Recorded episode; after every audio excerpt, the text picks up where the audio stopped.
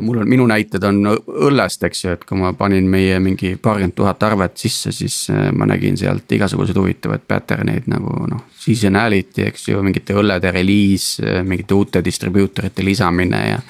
ja kuidas see kumulatiivselt siis nagu tulevikus äh, meie, meie revenue'd projitseerib ja tegelikult päris, päris huvitavalt äh, ei olegi väga off, eks ju, muidugi see koroona või koroonakriis tõmbas kõik ennustused pekki, aga.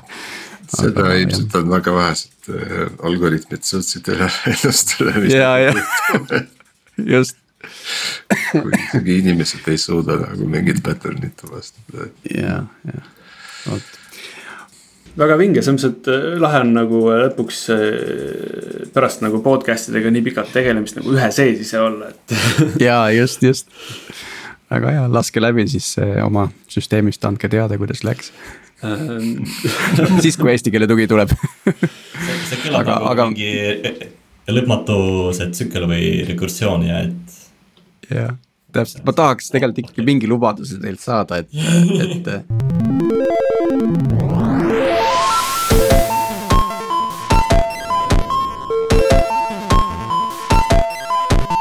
tere taas kuulama Algorütmi, täna on kahekümne esimene mai ja mina olen Tiit Paananen Veriffist ja meie virtuaalses stuudios on koos minuga Sergei Janikin Pipedrive'ist. täna räägime väga põnevast teemast, mida on ka meie kuulajad mitmel korral meilt palunud katta ja selleks on masinõpe ja teeme seda koos meie külalistega. Snackable ai-st, tere Otto Kardilk ja Aleksandr Taktšenko.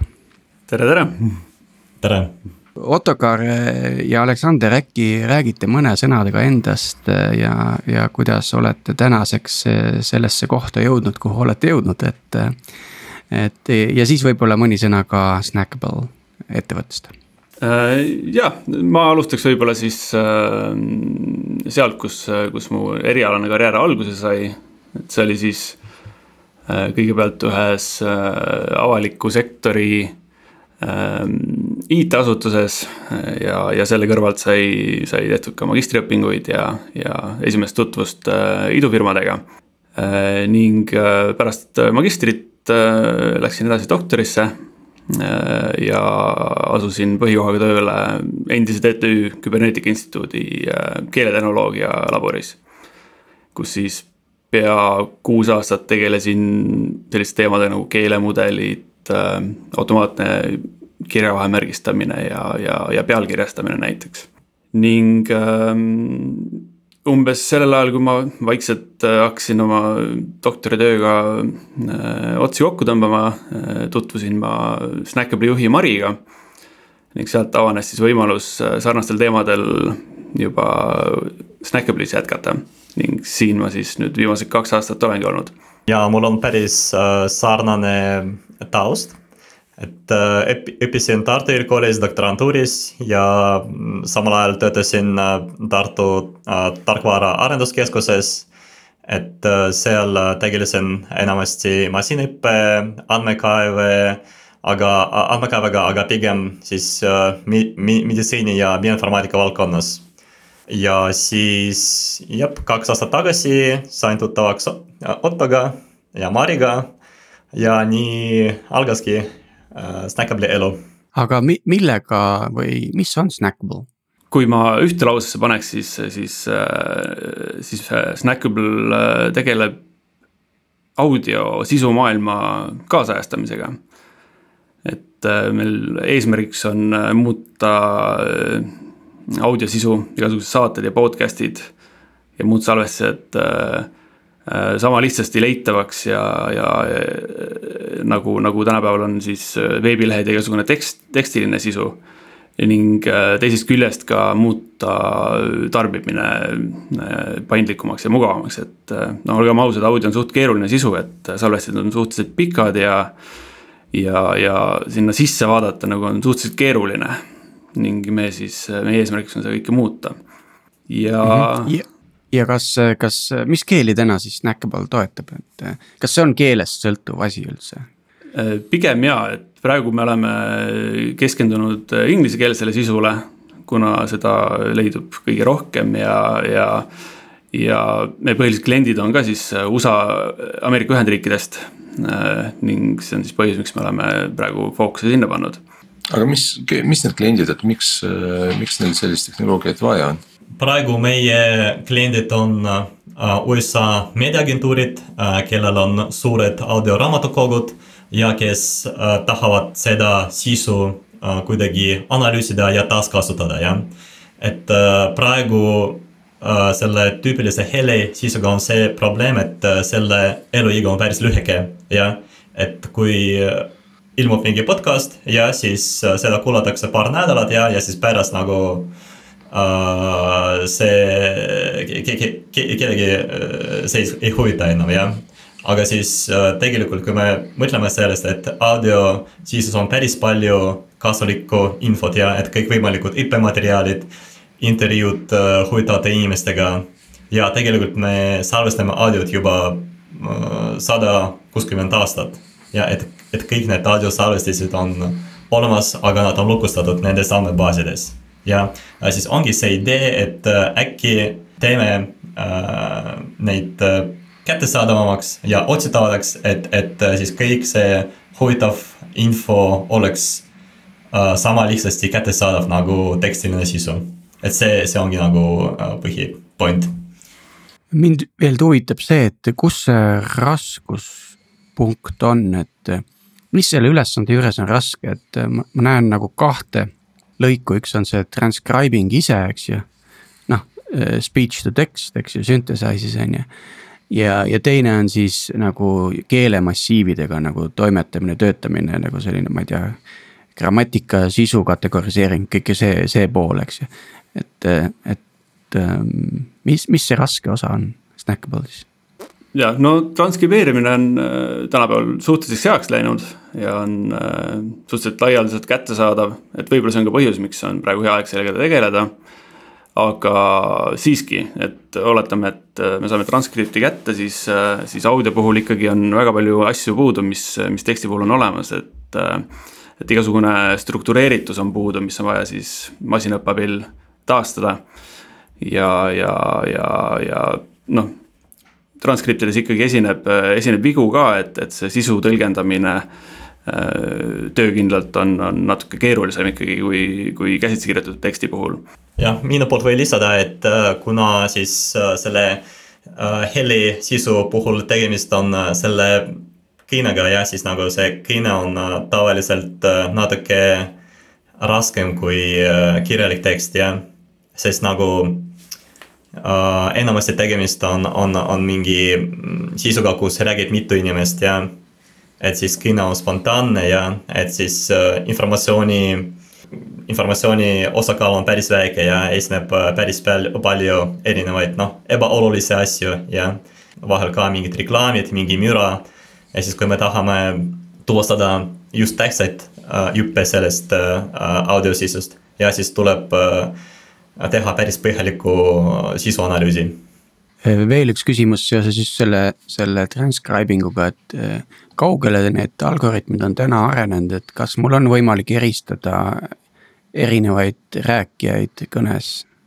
Ähm, jah, põhimõtteliselt küll, et selles mõttes, et see ei tööta ideaalselt, et päris tihti, kui äh, inimene muudab näiteks hääletooni, äh, siis äh, algoritm arvab, et tegemist on täiesti uue inimesega.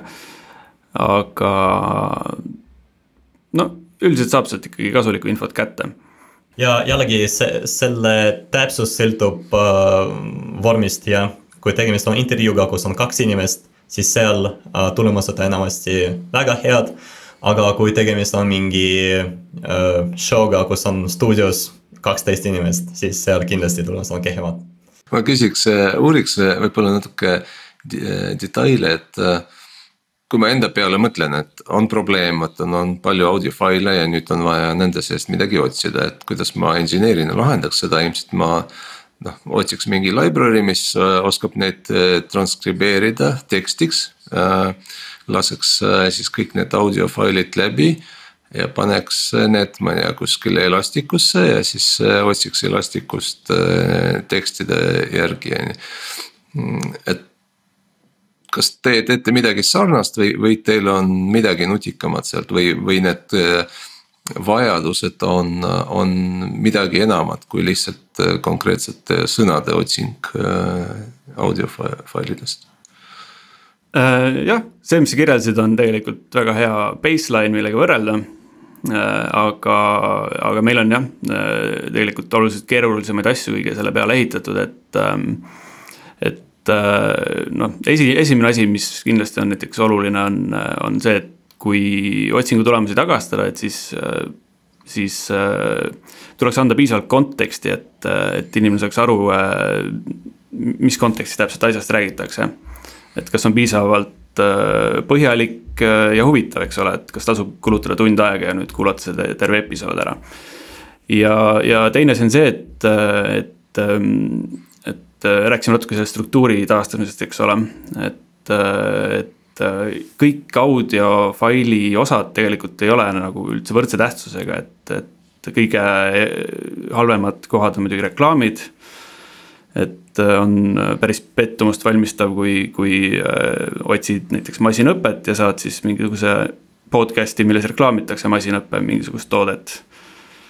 Ähm, ja, ja oluliselt paremad on siis tulemused, kus, kus sellest otsitavast asjast räägitakse ähm, nii-öelda põhiteemana, et kõige, kõige tsentraalsemad siuksed teemad, mis selles salvestuses on. Ja oma poolt tahan lisada ka, et kuidas meie otsimootor ja otsimootori tulemused on eri, erinevad noh, tavalisest Elasticust ja, või, või Google otsingust on see ja, et me juba arvestame selle use case'iga, et need päringud ähm, võivad olla tegelikult audiopäringud ja, ja mitte, mitte need tekstilised äh, päringud nagu Google'i puhul ja, ja Elasticu puhul, vaid audiopäringud ja äh, kui mõelda niimoodi, siis nagu, mis on äh, nagu optimaalsed tulemused ja siis, siis äh, selgub, et äh, need snippet'id, mida Google tagastab, need ei ole tegelikult head. Kui, kui inimene nagu kuulab neid, mitte vaatab, jah. siis äh,, siis me tahame, et iga see snippet oleks äh, enam-vähem nagu sisukas ja et selle järgi oleks võimalik aru saada, et äh, millest üldse juttu on selles episoodis ja kas see on piisavalt huvitav inimese jaoks ja kui see on hoidav, siis äh, ta võiks äh, minna terve episoodile. okei okay., no ühesõnaga, ma saan aru, et seal on natuke enamat, äh, hea meelega räägiks äh, arhitektuurist täpsemini, aga Tiit, sinu küsimus enne. ja mina tahan teada, et millal me kõik Algorütmi episoodid, millest täna on eetris kahekümne kaheksas, teeme tekstina kättesaadavaks jah, see on hea küsimus ega hetkel ei oskagi öelda täpselt, millal me eesti keeleni jõuame, et, äh, et noh, teoorias kõik, mis me teeme, on mõninga tööga kohandatav ka eesti keele jaoks. Äh, ja noh, eesti keele jaoks on olemas ka avalikult kättesaadav päris hea kvaliteediga kõnetuvastustarkvara, mis on kõige aluseks. nii et see juba lihtsustab asju oluliselt. nii et ma hetkel ei julge midagi lubada, aga loodetavasti et endal oleks ka huvitav näha, mis tulemused siit välja tulevad. jah ja, uh, probleem on selles ja, et uh, mida sügavale uh, me läheme, et seda rohkem me kohandame uh, meie süsteeme ja et kuigi suur osa komponentidest tegelikult on võib-olla keelesõltumatud ja siis nagu nüüd, kui me noh, üritame täpsust parandada, siis me kohandame ikka inglise keelele. okei okay,, aga ma ei tea, mina hea meelega läheks ikkagi natuke rohkem äh, detailidesse arhitektuuris. Äh, et küsiks, äh, millised osad teie lahenduses on nii-öelda valmis komponendid, mida te olete noh, kas open source või ma ei tea, võib-olla isegi ostetud. mida te kasutate ja, ja millised osad või milline see nii-öelda know-how või mida te ise arendate sinna juurde või vahele oskate võib-olla niimoodi üldiselt rääkida, et nimetada vähemalt? Meie süsteemi nagu põhiosa ongi see masinõpe ja, ja terve see äh, pipeline ja uh, mis meil on, see koosneb noh, erinevatest moodulitest ja ja siis noh, kui mõelda sellest, et mis on selle nagu noh, masinõppe mooduli nagu mm, sees ja siis tihtipeale ongi see mudel ise, need parameetrid, mis on õpitud, on tegelikult tähtsamad kui, kui see raami, raamistik ja, või tööriist, mis oli kasutatud ja ehk siis noh, kõik need mudelid ja et mida me kasutame, on suhteliselt nagu standardsed ja et noh, et teegid ja kood on võib-olla open source ja võib-olla ta oli nagu avalikustatud mingi teadustöö käigus ja. aga ikkagi rolli mängib pigem see lahendus, et kuidas valida nagu noh, neid parameetreid ja kuidas defineerida näiteks neovõrgu arhitektuuri, mis võimaldaks konkreetset Äh, ülesannet lahendada, jah. ja antud juhul ka nagu võib-olla tähtsam osa on siis nagu lähteandmed, jah, et, mida me kasutame treenimiseks ja et andmed võib olla äh, tegelikult äh, suurema tähtsusega kui, kui algoritmid äh, või, või teegid äh, ise. et selles mõttes jah. no okei okay., noh, selles mõttes, et andmed on, mille peal treenida, ma kujutan ette, et võtate Algorütmi podcast'i ja noh, mis seal ikka, hakkate treenima, on ju, aga ma küsiks kõigepealt, et kuhu te need äh, algandmed panete, kus need salvestatud on? Need on ju päris palju, on ju, et kas see on Amazon S3 või, või need on teie renditud mingisugused ketakastid kuskil Elioni keldris või noh, kus, kus need on? ei no panid esimese pakkumisega täppi, et, et S3 on selles mõttes äh, suhteliselt odav äh, viis salvestada selliseid andmeid, et ähm, et kasutame seda päris palju jah, ja, ja seal ka hoiame muidugi juba eeltöödelduid treeningandmeid ja, ja, ja mõningaid suuremaid mudeleid ja ühesõnaga, see on jah, hea lahendus. okei okay,, väga hea, aga mis formaadis, kas need on MP3-na salvestatud või, või mis formaati te kasutate audiofailide salvestamiseks või hoidmiseks? Äh, üldiselt ikka MP3 jah, et seda saab korduvkasutada ka meedia esitamiseks äh, klientidele, kui peaks vajadus olema ja. Nii, aga teil peaks kuskil indeks ka olema, kus, kus te seda indeksit hoiate? Ähm, kas nüüd äh, mõtled seda otsingu indeksit või, või mingisugust? no kõigepealt, et kus on, kelle failid on ja, ja mis selle noh, mingi metadata failide kohta ju peab olema. noh, ütleme, sul on fail, fail nimega A, fail nimega B, et mis selle faili, kust te saite selle faili, et.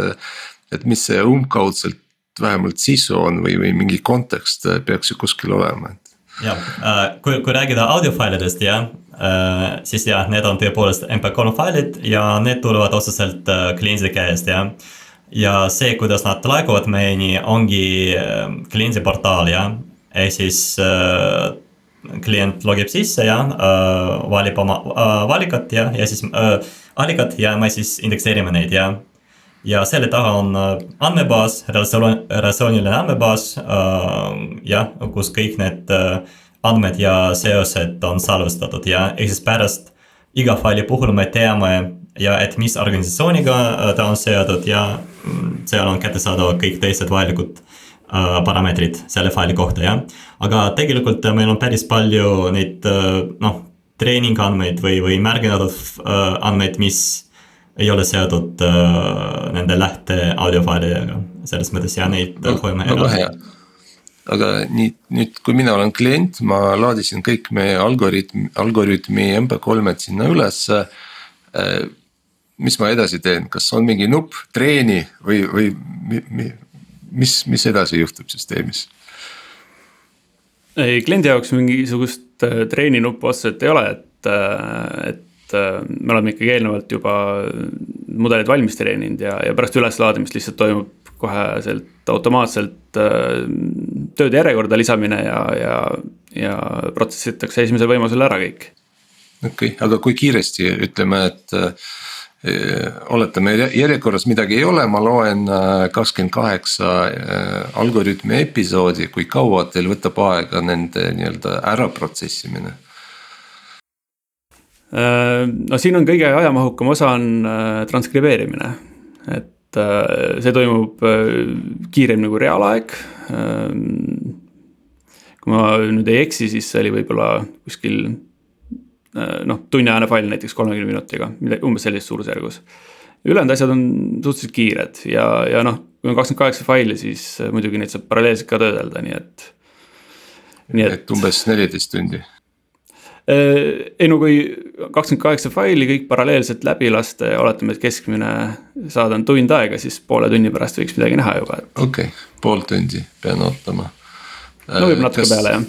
ja, aga kas teil, äh, kas teil mingit hinnastamine ka, et ütleme, üks fail on viis, viis eurot või, või kuidas noh, teie jaoks see, see ju maksab, on ju, et iga faili protsessimine noh Äh, maksab teile.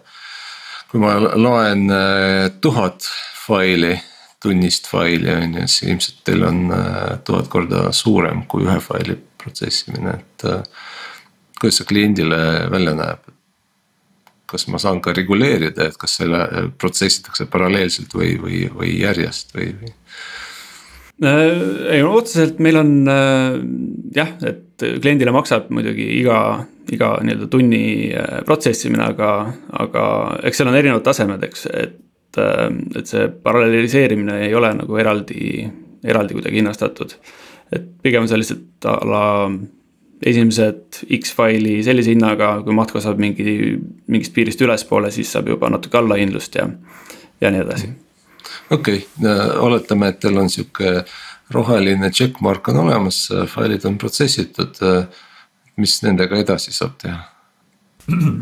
jah, no see, see sõltub kliendist ja, et äh, mida ta valis, et äh, üks toode ongi see otsing, jah.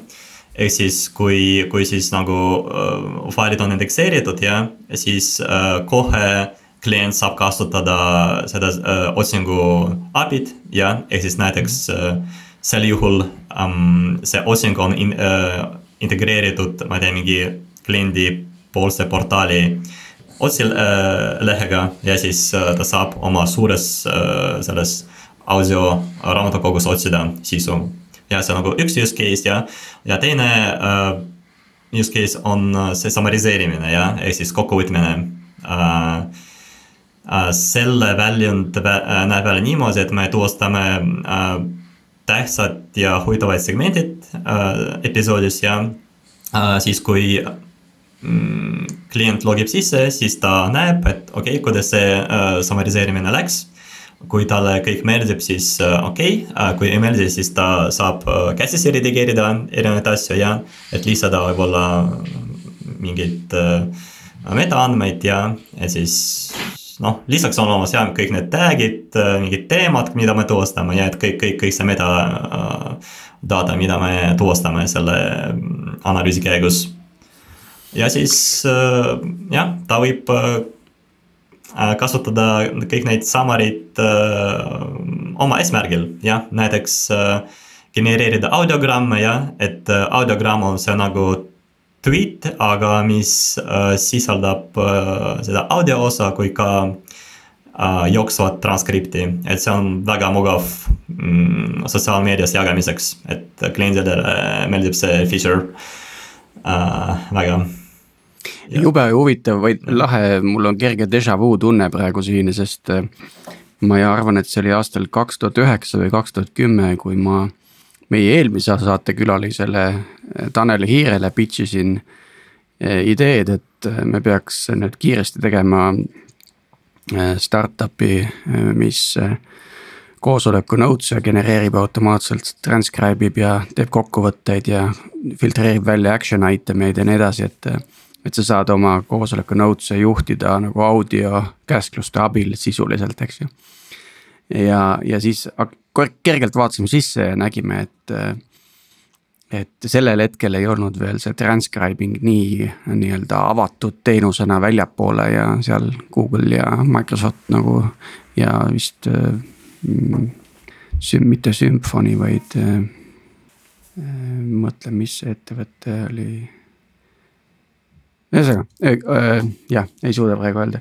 aga, aga domineerisid äh, need transcribing'u peal need ettevõtted ja. ja, ja, jätsime asja sinna paika, et äh, kas see transcribing'u osa on täna äh, nagu standardiseerunud mingis mõttes. nagu sa saad seda osta kindla hinnaga. ja, ja see on nagu ärimudelina töötab või? Äh, no mitte lihtsalt kindla hinnaga, vaid tegelikult see hind on isegi sihuke asi, mis äh, siin aja jooksul äh, tuleb päris kiiresti alla. et on mm, -hmm. kuna pakkujaid on aina juurde tulnud, siis, siis konkurents tiheneb ja, ja hinnad lähevad aina mõistlikumaks. ja selles mõttes, et see probleem, millega me tegeleme, et, et, et selle puhul on ka tegelikult audio kvaliteet keskmisest parem, et ma just mõtlesin selle peale, et, et koosoleku äh, Äh, märkmete puhul, eks ole, on tegelikult inimesed istuvad mikrofonist kaugemal ja, ja on äh, nii palju osalejaid, kes räägivad üksteist üle, et, et see on kindlasti oluliselt suurem väljakutse kui, kui. Äh, kuidas see on, see on asi, mis praegu muutub, sest me teeme siin konverentskõnesid, igalühel on oma striimid, saab eraldi faile võtta iga mikrofoni kohta ja. ja see on nagu huvitav tegelikult, kuidas see nagu muudab seda Äh, seda lähenemist, et ma saan väga hästi aru sellest koosolekuruumi probleemist, kus on kõik kajad ja kõrvalised helid ja raske eristada, aga. aga sellises virtuaalses maailmas äh, see osa nendest probleemidest saab ära lahendatud.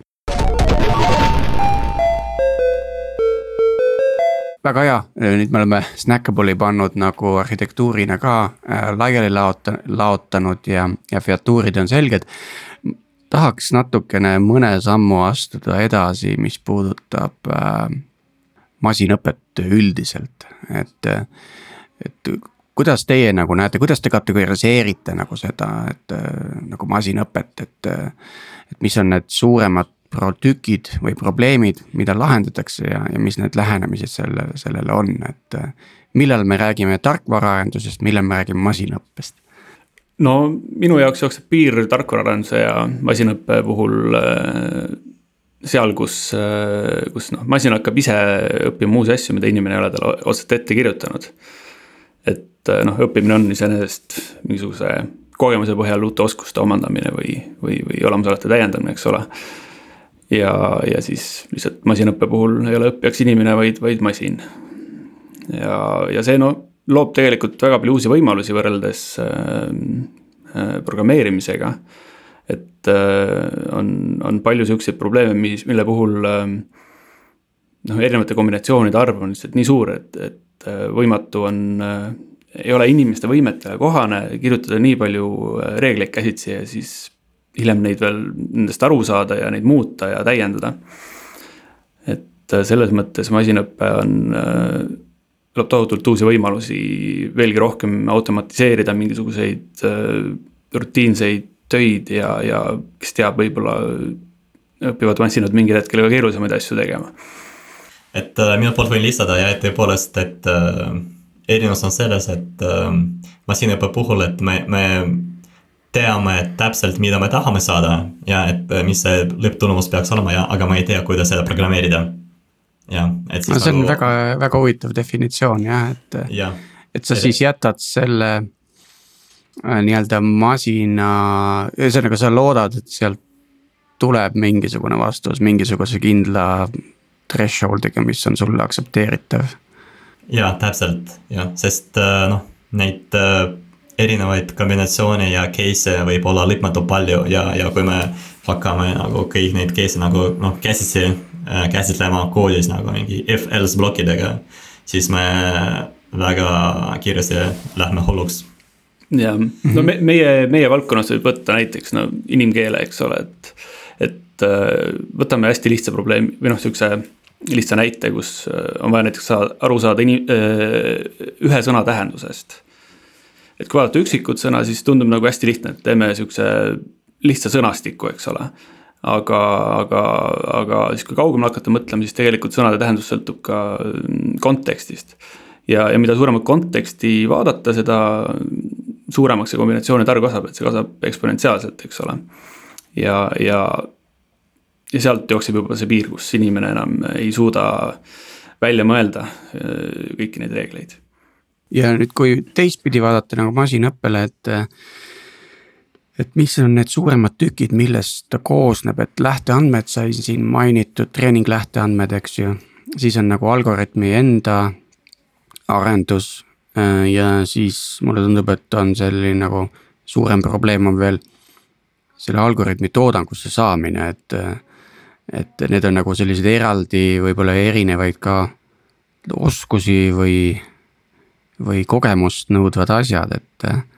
Kas olete nõus või, või tahate seda täpsustada, seda pilti? jah, no minu kogemus näitab, et kõige suurem osa võtab eksperimenteerimine ja äh, aga võib-olla põhjus on see, et äh, meie valdkonnas äh, see on eriti raske, sest me tegeleme erineva tüübi andmetega ja et äh, meil on tekstiandmed, meil on heliandmed, meil on lisaks äh, speaker'i kiht ja, ja siis kõik seda infot tuleb kombineerida ja siis äh, arendada mudeleid, mis võtavad arvesse kõik neid signaale ja et äh, võib-olla see on see mm, innovatiivne osa tegelikult ja, et äh, mis eristab meid. ja loomulikult jah, see, see võtab kõige rohkem aega. Ja siis jah, äh, lõppkokkuvõttes ütlen et eksperimenteerimine on kõige suurem probleem ja, aga enne seda ongi see nagu lähteülesanne analüüs ja et kui meil on noh, reaalne probleem või mingi vajadus ja siis nagu mm, äh, selle võimaliku lahenduse valik, nii et see on nagu tehtav äh, mõistliku ajaga, et see, see tegelikult võtab ka nagu äh, päris palju ressursse ja ja siis jah, viimane, viimane samm ongi nagu integreerimine nagu production keskkonda ja no see väga keeruline ei ole, et võib-olla see ei võta nii palju aega kui eksperimenteerimine ja aga ikkagi et see on see koht, kus tuleb äh, äh, koodi läbi vaadata, optimiseerida erinevaid äh, kohti, et äh, võib-olla noh, päris põhjalikult testida, et näiteks äh, palju mälusüsteem äh, kasutab palju nagu protsessori ressursse ja et kas nagu saab midagi optimiseerida veel või mitte. ja, ja siis äh, lisaks on olemas äh, sõltuvus erinevate masinate, masinõppemudelite vahel. Ja siin aktuaalseks muutuvad äh, sellised küsimused nagu testimine ja et ähm, kui tavalise programmeerimise puhul me testime ainult koodi, siis sisuliselt ja, et meil on noh, näiteks mingid sisendid, väljundid ja, ja me äh, tahame veenduda ja et kui sisend on selline, siis väljund on selline ja siis nagu masinõppe puhul meil on nagu kaks asja ja meil on kood, mida tuleb testida et me peame teadma, et kood on õige ja, ja teine asi, et äh, see, see mudel on hea tegelikult ja. sest nagu kui ma ei tea, äh, meil muutub mingi üks number äh, selle mudeli mingi maatriksis sees ja siis nagu tulemused võivad olla juhuslikud. ja siis lisaks meil tuleb kontrollida selle mudeli täpsust ka.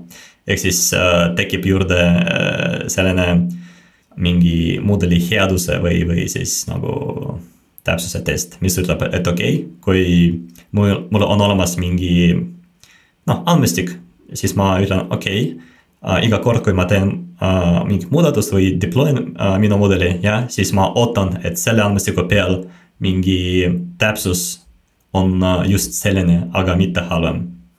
No selle hindamise juures ma võib-olla lisaks ka, et äh, väga oluline on äh, äh veenduda, et, et, et, et mudel töötab hästi just õigete andmete peal. et, et kui hinnata valede andmete peal, vaadata, töötab väga hästi ja tegelikult produktsioonikeskkonnas on hoopis teistsugused andmed, siis, siis sealt võib ka ootamatusi tulla. ja, ja siis nii-öelda mudeli ähm, deploy mise koha pealt, et et jah, nagu Alex mainis, et see ei ole meil nagu kõige keerulisem osa, et, et, et see võib-olla on osaliselt tingitud ka sellest, et, et meil noh, pilves on suhteliselt äh, piiramatud ressursid, et äh, küsimus on võib-olla ainult hind äh,. et, et kindlasti on oluliselt keeruline, keerulisem äh, osades teistes valdkondades, kus on äh, kus, kus see tarkvara või see, see mudel peab jooksma piiratud ressursside peal, noh näiteks mingisugused autonoomsed robotid või, või siuksed asjad, et, et kindlasti seal on äh, see osa oluliselt keerulisem. ehk siis see testimine on ja selle, selle nagu lähteandmete valideerimine, et see testimiskeskkond on kogu aeg samasugune, eks ju, et sa, et muutuks need erinevad äh, algoritmi versioonid omavahel võrreldavaks, eks ju. et äh, see nagu räägib sellest, et tegelikult äh, sinna selle testi infra ehitamisele tuleb päris palju rõhku panna, kui sa nüüd ei taha toodangus parajasti testida, eks ju. ja seda küll jah, noh, meil on äh, muidugi praegu selline olukord, et, et meil on hästi palju neid erinevaid mudeleid ja eks äh, kõigil võib-olla ei ole sihukest äh, realiseeritud seda ideaalnägemust sellest testimise infrastruktuurist, et, et noh, sihukese esimese prototüübi või MVP jaoks üldiselt piisab ka sellest, kui lihtsalt äh, treenid mingisuguses masinas ja, ja siis äh, hindad seal oma testandmestike peal ja, ja otseselt mingit hullu automaatikat või, või sihukest keerulisemat lahendust ei olegi. aga vaataks sinna äh, library'te teekide maailma samamoodi, et äh, tegelikult äh, kui Google otsingusse panna machine learning algorithms, siis tuleb kogu, kogu äh, alfabet äh, välja, et.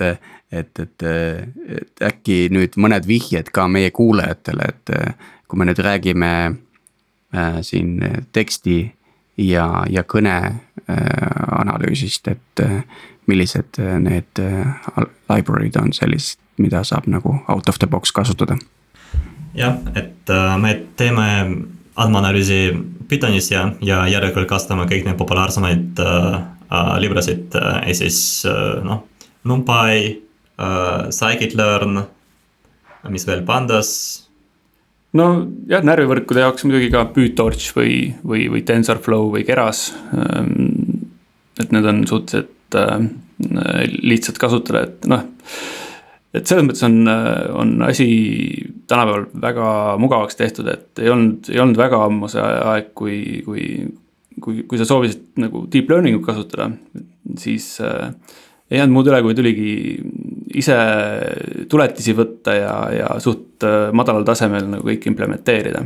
aga tänapäeval on see nii-öelda kasutusmugavus tegelikult äh, nendel library tel päris hea, sest nad on äh, suhteliselt populaarsed. nii, aga on meil veel midagi lisada uh,? jah, näiteks uh, selle audioanalüüsiks me kasutame ka sellist ägedat teegi nagu Liprosa uh,. jah, mis teeb uh, päris keerulisi asju väga kerge uh, liidese kaudu, et näiteks mingit Fourier transformatsiooni ja kõik selliseid asju mm. -hmm. kas te ise olete ka nende äh, librade arendusse panustanud äh? Need librad, mis me mainisime praegu, nendest otseselt mitte, aga noh. mul on endal näiteks doktoriõpingute käigus arendatud mõned, mõned library'd. mis on siis open source, et, et noh, sinna ma olen panustanud. mõnes mõttes see on nagu lihtsam, siis oled kogu koodiga tuttav ja tead täpselt, mis ta tegema peaks ja, ja kus, mis on. kui, kui suur teie tiim praegu on? Teid on nagu, ongi kahekesi või, või, või on rohkem arendajaid? Äh, enam ei ole kahekesi äh, tegelikult praegu, praegu on kümme inimest ja veel äh, kaks konsultanti. ja ehk siis umbes kokku kaksteist no see, see number võib vabalt olla juba aegunud podcast'i avaldamise hetkeks, et, et me tegelikult tegeleme praegu noh, uute inimeste juurdeotsimisega, et. et laieneme päris kiiresti ja noh, selles mõttes on meil ka huvitav olukord, et me oleme nagu ühe jalaga Tallinnas, teise jalaga New Yorgis, et. et pooled on siis siin, siin Tallinnas ja pooled New Yorgis. Ähm, ja, ja see loob selles mõttes huvitava olukorra, et, et noh, me olime juba enne tegelikult seda, seda eriolukorda päris hästi kohanenud selle kaugtööga ja, ja nende videokonverentsidega, et, et suures osas meie jaoks nagu väga midagi muutunudki. aga mis tüüpi inimesed need on, kas need on kõik äh, data scientist'id või on äh, nii-öelda tavalised arendajad ka? ei, meil on kindlasti äh, tavalised arendajad ka, et noh, masinõppetiim ongi praegu koosneb minust ja Alexist. lisaks on meil tervelt kolm back-end arendajat, üks keeleteadlane ja siis äh, ülejäänud on siis pigem nagu selle tootearenduse ja müügi peale keskendunud, et mm -hmm. selles mõttes on tasakaal enam-vähem, äh, enam-vähem hea. aga natuke kaldub nii-öelda arenduse ja uurimistegevuse poole, mis minu, minu arvates on tegelikult päris hea kuidas, kuidas see koostöö välja näeb arendajate ja, ja siis andmeteadlaste vahel? no siiamaani oli niimoodi, et äh, meie töötasime enamasti eraldi ja et äh, istusime nurgas, eksperimenteerimise, eksperimenteerimise, eksperimenteerisime ja siis äh, äh, see oli nagu väga produktiivne ja siis jah, kui lõppkokkuvõttes nagu midagi sai valmis ja siis tuli see aeg äh,, kui äh, tuli teha koostööd, et, et siis arutada, kuidas äh, oma asju, oma eksperimente nagu push ida äh, production'isse ja, ja siis nagu pakendada, et see oleks äh, ühilduv teiste mudelitega ja, ja noh, süsteemiga. et jah, ja siis suhtleme aktiivselt, et Mm, arutame erinevaid lahendusi, et kuidas on kõige paremini erinevaid asju teha ja et näiteks äh, praegu otsustasime kasutusele võtta seda NoSQL storage'i nagu MongoDB äh, nende masinõppe algoritme äh,, algoritme väljundite äh, salvestamiseks. et siis jah, see tarkvara arendusosa ka ei ole nagu noh, tegeleme, tegeleme kahjuks sellega ka, et ei ole ainult masinõpe ja eksperimenteerimine aga miks just äh, Mongo? Et kuidas see valikuprotsess käis teil no,, olete te midagi muud jah. testinud? ja, et alguses meil oli mm, tavaline äh, relatsiooniline, relatsiooniline andmebaas ja nagu MySQL ja siis ähm, sinna salvestasime ainult äh, neid äh, tähtsamad väljundeid jah, et näiteks noh, neid äh, kokkuvõtteid ja, ja siis nagu tekstijuppe. aga siis pärast meil tekkis olukord, kui masinõppe mooduleid, mooduleid tekkis juurde siis äh, tekkis vajadus salvestada lisaparameetreid ja äh, mis äh, tegelikult äh, ei ole seotud äh, nagu noh, lõpp use case idega ja, siis mida kasutaja ei näe, vaid on Äh, pigem mõeldud selleks, et äh, noh, et need masinõppe äh, moodulid suudaksid omavahel suhelda. Ja et kõik need numbrilised väärtused, mingid confidence score'id ja noh, kõik need asjad, mis ei ole nagu seotud selle äri, äri poolega palju, palju nendel mudelitel omavahelisi sõltuvusi on, et, et palju te peate nii-öelda sellise agregeerimisega seal tegelema? no üldiselt me üritame mudelit suhteliselt ähm, lõdvalt seotuna hoida, et, et oleks võimalikult vähe sõltuvusi ja saaks äh, suhteliselt iseseisvalt arendada. et noh, nende mudelitega on lihtsalt see, et äh, nagu Alex ka mainis, et see eksperimentaalne osa on sihuke päris kauakestev, et võib. võib kuluda päris palju äh, nurjunud eksperimente, enne kui, enne kui lõpuks jõuame mingisuguse lahenduseni, mis piisavalt hea on. ja noh, siis äh,, siis kui need nii-öelda komponendid ei oleks nagu üksteisest sõltumatud, siis võib tekkida oht, et vahepeal see koodibaas muutub seal ja siis äh, nagu keeruline pärast nii suurt pausi nagu uuesti sünkida see kõik, et. et jah, no igasuguses täpsustan ka, et me üldiselt nagu praeguse seisuga noh, igaüks tegeleb nagu oma valdkonnaga, et, et mina siin olen tegelenud selle nii-öelda tähendusest arusaamise ja otsinguga rohkem ja siis Alexil on mudelid, mis mis nii-öelda leiavad seda struktuuri ja, ja, ja teevad neid kokkuvõtteid, et, et siis me nii väga ei, ei, ei sega nagu neid repository'd, mille kallal me töötame. Aga palju nagu on erinevust nii-öelda input'is, et, et noh, ütleme, võtate ühe kliendi nagu tema dataga ja saate justkui nagu, nagu kuhugi confidence score'id, threshold'id paika, eks ju. siis tuleb järgmine klient, tal on veidi mingisugune, ma ei tea midagi on natuke teistmoodi ja siis hakkab teie puhul nagu jälle kõik otsast pihta, et, input on niivõrd teistsugune. ja see on hea küsimus, et äh, jah, see pigem sõltub äh, mitte kliendist, vaid äh, selle sisu tüübist ja et äh, noh, kuna see helisisu võib olla erinev ja et äh, noh, erinevad formaadid ja näiteks äh, intervjuud, uudised äh,, noh, raadiosaadet äh, Äh, kõik on erineva struktuuriga ja, ja siis järelikult äh, kõik neid tuleb äh, töödelda noh, vähemalt osaliselt erinevalt ja et siis jah, et pigem, pigem see sõltub sellest audio formaadist.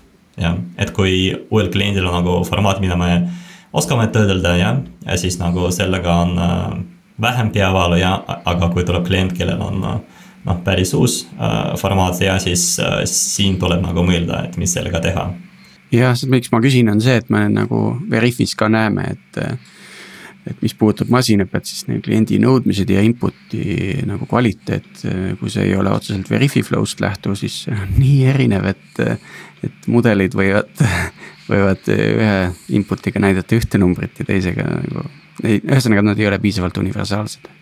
jah, no meil võib-olla nagu natukene äh, on mõnes mõttes nagu teise kategooria probleem, et äh, ma saan aru, et Veriffi puhul on siis äh, suht sihuke binaarne otsus, et kas on sama inimene või ei ole, eks ole. nojah, see ei, see ei piirdu ainult äh, face comparison'iga, et seal on ka Aa, no document validity ja, ja, ja kõik siuksed fraud'i case'id ja asjad, et. no e, igal juhul lihtsalt selle, selle seda tüüpi ülesanded, millega me tegeleme, et seal päris palju äh, lahendusi on siuksed äh, suhteliselt subjektiivsed, et ei ole ühte kindlat õiget vastust, et äh, tegelikult isegi kui mudel nagu ei, ei, ei klapi annotatsioonidega, siis tegelikult äh, ei pruugi üldse nagu asjad väga halvasti olla, et äh,. et ka see, mis masin pakub, võib olla tegelikult täiesti okei okay lahendus. et see muudab natuke asju. mainisidki siin annotatsioonid, mis on masinõppe maailmas on nagu A ja O mingis mõttes, et sa oma dataset'i valmistad ette treeningu jaoks, et mida siis äh, audiofaili puhul, mis annotatsioone luuakse uh,? jah, et uh, kuna me toostame päris palju metadatat ja infot sellest audiofailist ja siis tegelikult iga sellele kihle, infokihele teeme noh, annotatsioone ja et, et noh, vähemalt, äh, et meil oleks mingi validation äh, andmestik, mille peale me siis pärast äh, hindame äh, meie algoritmide täpsust ja. ja siis noh äh,, kõige tüüpilised annotatsioonid on äh, siis äh, sõnad, laused äh,, punktatsioon, speaker'id äh,, siis äh, mingid võtmesõnad, võtmefraasid äh, ja mm, võib-olla teemad äh,, erinevad äh, plokid ja kus on huvitav info, kus äh, on ebaoluline info, äh, kus on võib-olla mingid reklaamid, kus on muusika. noh, ehk siis äh, kõik see info, millega me töötame.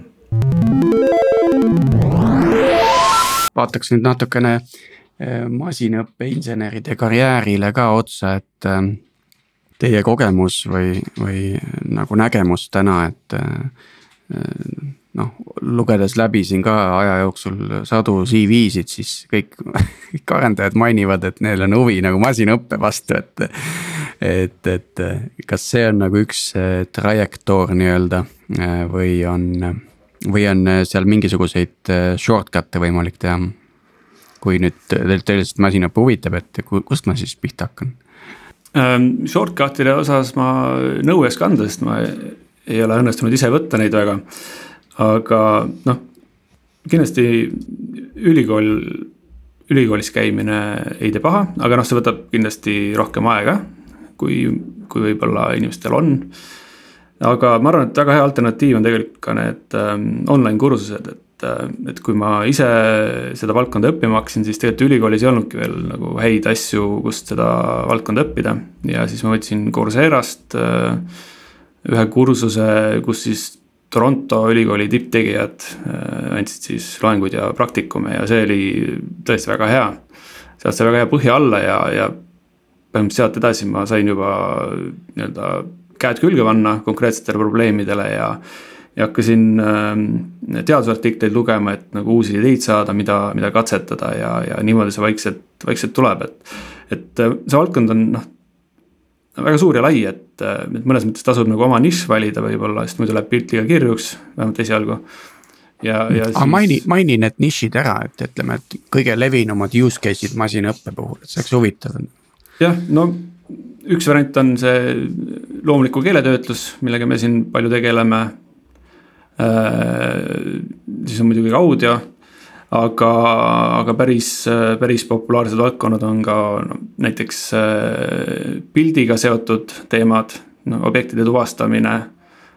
Ähm, väga põnev on, äh, on ka noh, muidugi need isesõitvad autod, et seal on palju seda reinforcement learning ut, mis on tegelikult äh, äärmiselt põnev valdkond, et seal on see õppimine on võib-olla isegi rohkem sarnane sellele, kuidas inimesed õpivad, et et ei ole nagu iga tegevuse järele ei anta sulle kohe, et kas oli õige vastus või ei olnud, vaid pigem on see tagasiside nagu kaudsem. nii, mis meil veel pähe tuleb? meditsiin võib-olla jah? jaa. jah, kindlasti. ja aga tegelikult ja me näeme, et praegu noh, see masinõpe ja tehisintellekt nagu mm, tegelikult laekub iga, iga valdkonnasse ja et äh, lähitulevikus võib-olla me näeme neid masinõppe lahendusi igal pool meie igapäevases elus. noh, mitte, mitte ainult nendes klassikalises valdkondades ja nagu, nagu ma ei tea, mingi otsing ja see, mida Google ja Facebook teevad ja, vaid ka meditsiinis, tööstuses, põllumajanduses ja igal pool, et jah, et ma arvan, et praegu on väga, väga hea aeg sellega tegeleda hakata, sest nagu lähiajal see muutub väga populaarseks. aga ütleme, kui me vaatame viie aasta äh, kaugusele ja, ja meil on siin X arv nii-öelda. no ütleme masinõppeinsenere või siis, või siis võib-olla kitsamalt data scientist'i, kes nagu selle mudeliga äh, võib-olla spetsiifilisemalt töötab, on ju. siis kas seal on rohkem tarkvara, eks-tarkvaraarendajaid või seal on rohkem inimesi, kes on hakanudki kohe seda õppima, millega nad täna tegelevad? Ja see, see on hea küsimus, jah um,. tähendab, ma panin tähele ja et um, kõik see masinõppega seotud um, asi muutub um, väga lihtsaks ühest küljest ja et siis pra-, juba praegu on olemas uh, noh, mingid uh, mugavad tööriistad, mugavad uh, need librad uh,, millega saab nagu uh, kohe Äh, peale hakata ja lisaks tekib äh, ühe rohkem nii-öelda eeltreenitud mudeleid ja et äh, ei ole vaja mm, nullist äh, midagi teha ja, vaid sa tõmbad mingit eeltreenitud äh, mudeli, jooksutad äh, seda oma läpaka peal ja saad mm, päris hea tulemust võib-olla isegi paremad kui mingid tippteadlased suutsid saavutada viis aastat tagasi mingis äh, superarvutis või midagi sellist. et see, see on kindlasti nagu üks trend. Aga ikkagi nagu me näeme ja et kui äh, ikkagi äh, tekib mingi ebatriviaalne probleem ja siis siin tuleb äh, tegelikult äh, noh, mõelda päris palju pisiasjadest. Ja just äh, sel juhul see kogemus äh, just äh, noh, erinevates valdkonnades ja noh, mitte ainult nii-öelda selle valdkonna kogemus, kui ka mingi, võib-olla mingi matemaatika ja statistika, et kõik, kõik, kõik need fundamentaalsed asjad nagu hakkavad rohkem rolli mängima. ehk siis jah, et tõepoolest suurem osa standardseid probleeme äh, saab lahendada olemasolevate tööriistadega ja aga siis äh, on olemas alati see väike protsent nendest, kus tuleb midagi uut luua ja siis nagu äh, tuleb tegelikult äh, teha asju nullist. ja, ma võib-olla lisaks, lisaks võib-olla ainult, et jah, et minu silmis nagu masinaõpe loob äh, arendajatele nagu selles mõttes äh, ühe lisa, lisaharu nagu võimalikes karjääriteedes, et, ähm, et noh, ühel hetkel ikka tekib pärast pikka kogemust küsimus, et äh, kuhu nüüd edasi, et kas ma ei tea, arhitektiks või, või management'i või. või tänapäeval nüüd on siis kolmas variant, et, et miks mitte masinõppe kallale, et. Et see on kindlasti väga positiivne, et kõigile ei, ei noh, on palju inimesi, kellel ikkagi meeldib käed äh, külge panna, mitte, mitte inimesi hallata. et sellepärast nad võib-olla seda karjääri alustasidki. ja, ja, ja noh, arhitekt äh,. kõigi, kõigi jaoks arhitektiks saamine ka ei sobi, et, et see, nende jaoks võib just see masinõpe ja andmeteadus nagu huvitav valik olla. millal, millal Snackable'i saab nimetada audiofailide Google'iks? või kas te ei ka, kas te ei karda, et Google äh, teeb selle otsingu paremini kui teie? võimalik jah, et ta teeb seda, aga noh äh,, erinevus on selles, et ta teeb seda enda jaoks ja et äh, tegelikult ja, et äh, teised äh, meediaagentuurid ja kes on äh, noh ke, kellel on päris suured äh, need audiokogumid, nad selles mõttes konkureerivad Google'iga ja, ja võib-olla mm, neil ei ole piisavalt palju motivatsiooni nagu jagada Äh, nende sisu Google'iga. et äh, see on see erinevus. me räägime, me räägime, me räägime audiost, mis äh, on justkui Google'i eest ära peidetud ja nad, nad ei saa äh, sinna ligi. ja pra-, praegu on olukord kuidagi kaootiline ja et äh, noh, siis Google sisuliselt indekseerib nagu iga faili, mida ta internetis äh, suudab leida ja. aga jah, et praegu näeme, et ikkagi mm, siis võrgud ja meediaagentuurid on huvitatud, et saada mingi konkreetse äh, saade äh, litsentsi endale jah, nagu eile oli uudis ja et see Joe Rogani show jah äh,. Nüüd äh, läheb Spotify alla. et äh, siis jah, meil ootab äh, põnev tulevik ja, ja no eks see hirm ju tegelikult äh, motiveerib meid, et äh, paneb kiiremini tegutsema ja, ja kui me jõuame mingisuguse kriitilise massini enne Google'it, siis, äh, siis võib-olla võib hinge, hingata natuke kergendumalt. kas äh, see tehnoloogia kuidagi või kunagi transferub ka videofailide peale, äh...? Tegelikult juba praegu, et selles mõttes, et kõike seda, mis me teeme, saab kasutada ka lihtsalt videofailid audio track'i jaoks, noh eeldusel, et seal päriselt räägitakse midagi, mitte ei ole lihtsalt linnulaul. et ähm, lihtsalt äh, me ei ole praegu ähm, äh, väga nagu vaadanud seda täiendavat infot, mis video, video puhul olemas on, et me seda pilti otseselt ei vaata praegu veel. aga on plaanis äh,? Eks näis, selles mõttes, et ähm, noh, mõnes mõttes ei tasu liiga laiali ka minna, et äh, aga, aga see oleneb ikkagi sellest ka, mida klientidel vaja on, et me midagi nagu enamasti päris oma lõbuks ei arenda, et, et. et üldiselt on mõistlik ikkagi valideerida ka, et kas päriselt mingisuguse asja järgi nõudlus on, enne kui sinna aega ja raha matta. ma arvan jah, videofailiga on see noh, selline tavaline või võimalus tekib sealt, kus kus, et äh, tuvastada, et kes siis rääkis, eks ju, et see on suhteliselt lihtne on ju, aga. aga, aga jah, ma ka unistan olukorrast, kus tegelikult äh, me ka salvestame seda saadet siin Squadcastis praegu, eks ju. et tegelikult ähm, noh, selle, see võiks ju olla juba valmis transcribe itud ja mingi paar artiklit. üks on nagu, ma ei tea masinõppesisuline artikkel, teine on snackable artikkel, tekstimassiivid võiks olla juba koostatud, eks ju, et ma lihtsalt vaatan üle, lisan vahesõna, määrsõnad ja, ja läheb publitseerituks, et. et, et selliseid, selliseid, ilmselt see on midagi sellist, mis on, on paljude inimeste tuleviku töö, et see loomine kui selline muutub äh, päris oluliselt. ei pea kõike ise kirjutama vot, aga lõpetaks siis praegu äh, täna meie saatega, aga, aga lõpetuseks tahaks ka kuulata natukene teie äh, tagasisidet ja võib-olla ka soovitusi teemade osas, mida Algorütmis võiks tulevikus katta, et. et alustame teist, Otto ja Alex, et mida ja millest Algorütmis võiks rääkida? no minul isiklikult on kõige suurem huvi ikkagi kõigega, mis on seotud masinõppega, et, et et, et huvitaks muidugi, mida teised, teised firmad teevad, mis, mis samuti masinõpet kasutavad ja kuidas nemad kasutavad, mis probleemid neil on ja, ja mis on nende nii-öelda need insight'id. et sellest oleks võimalik võib-olla õppida. kas meil täna on, ma korra küsin, Otto, et kas meil täna on Eestis äh, masinõppe internet äh,, inseneride community nagu aktiivne ja tugev, et käiakse koos? Ja mingil määral on, et on, äh, korraldatakse mingisuguseid äh, meet-up'e ähm,.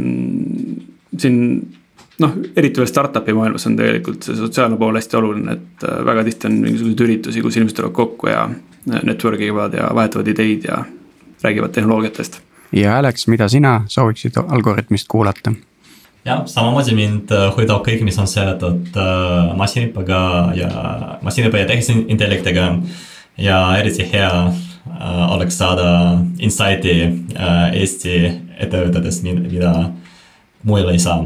sest nagu noh, enamasti ähm, ajakirjanduses tekib selline nagu pinnapealne, rohkem pigem nagu selline nagu marketing ja äh, selline üldine info jah, aga mis seal sees toimub, et äh, seda on kuidagi nagu raskem äh, kätte saada.